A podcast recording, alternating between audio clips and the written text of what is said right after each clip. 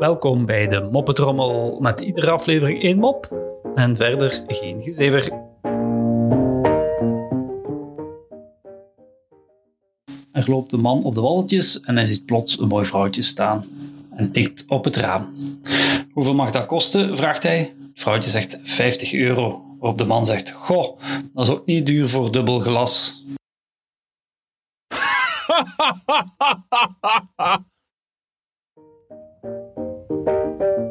Zo, dat was de moppetrommel voor vandaag. En tot morgen.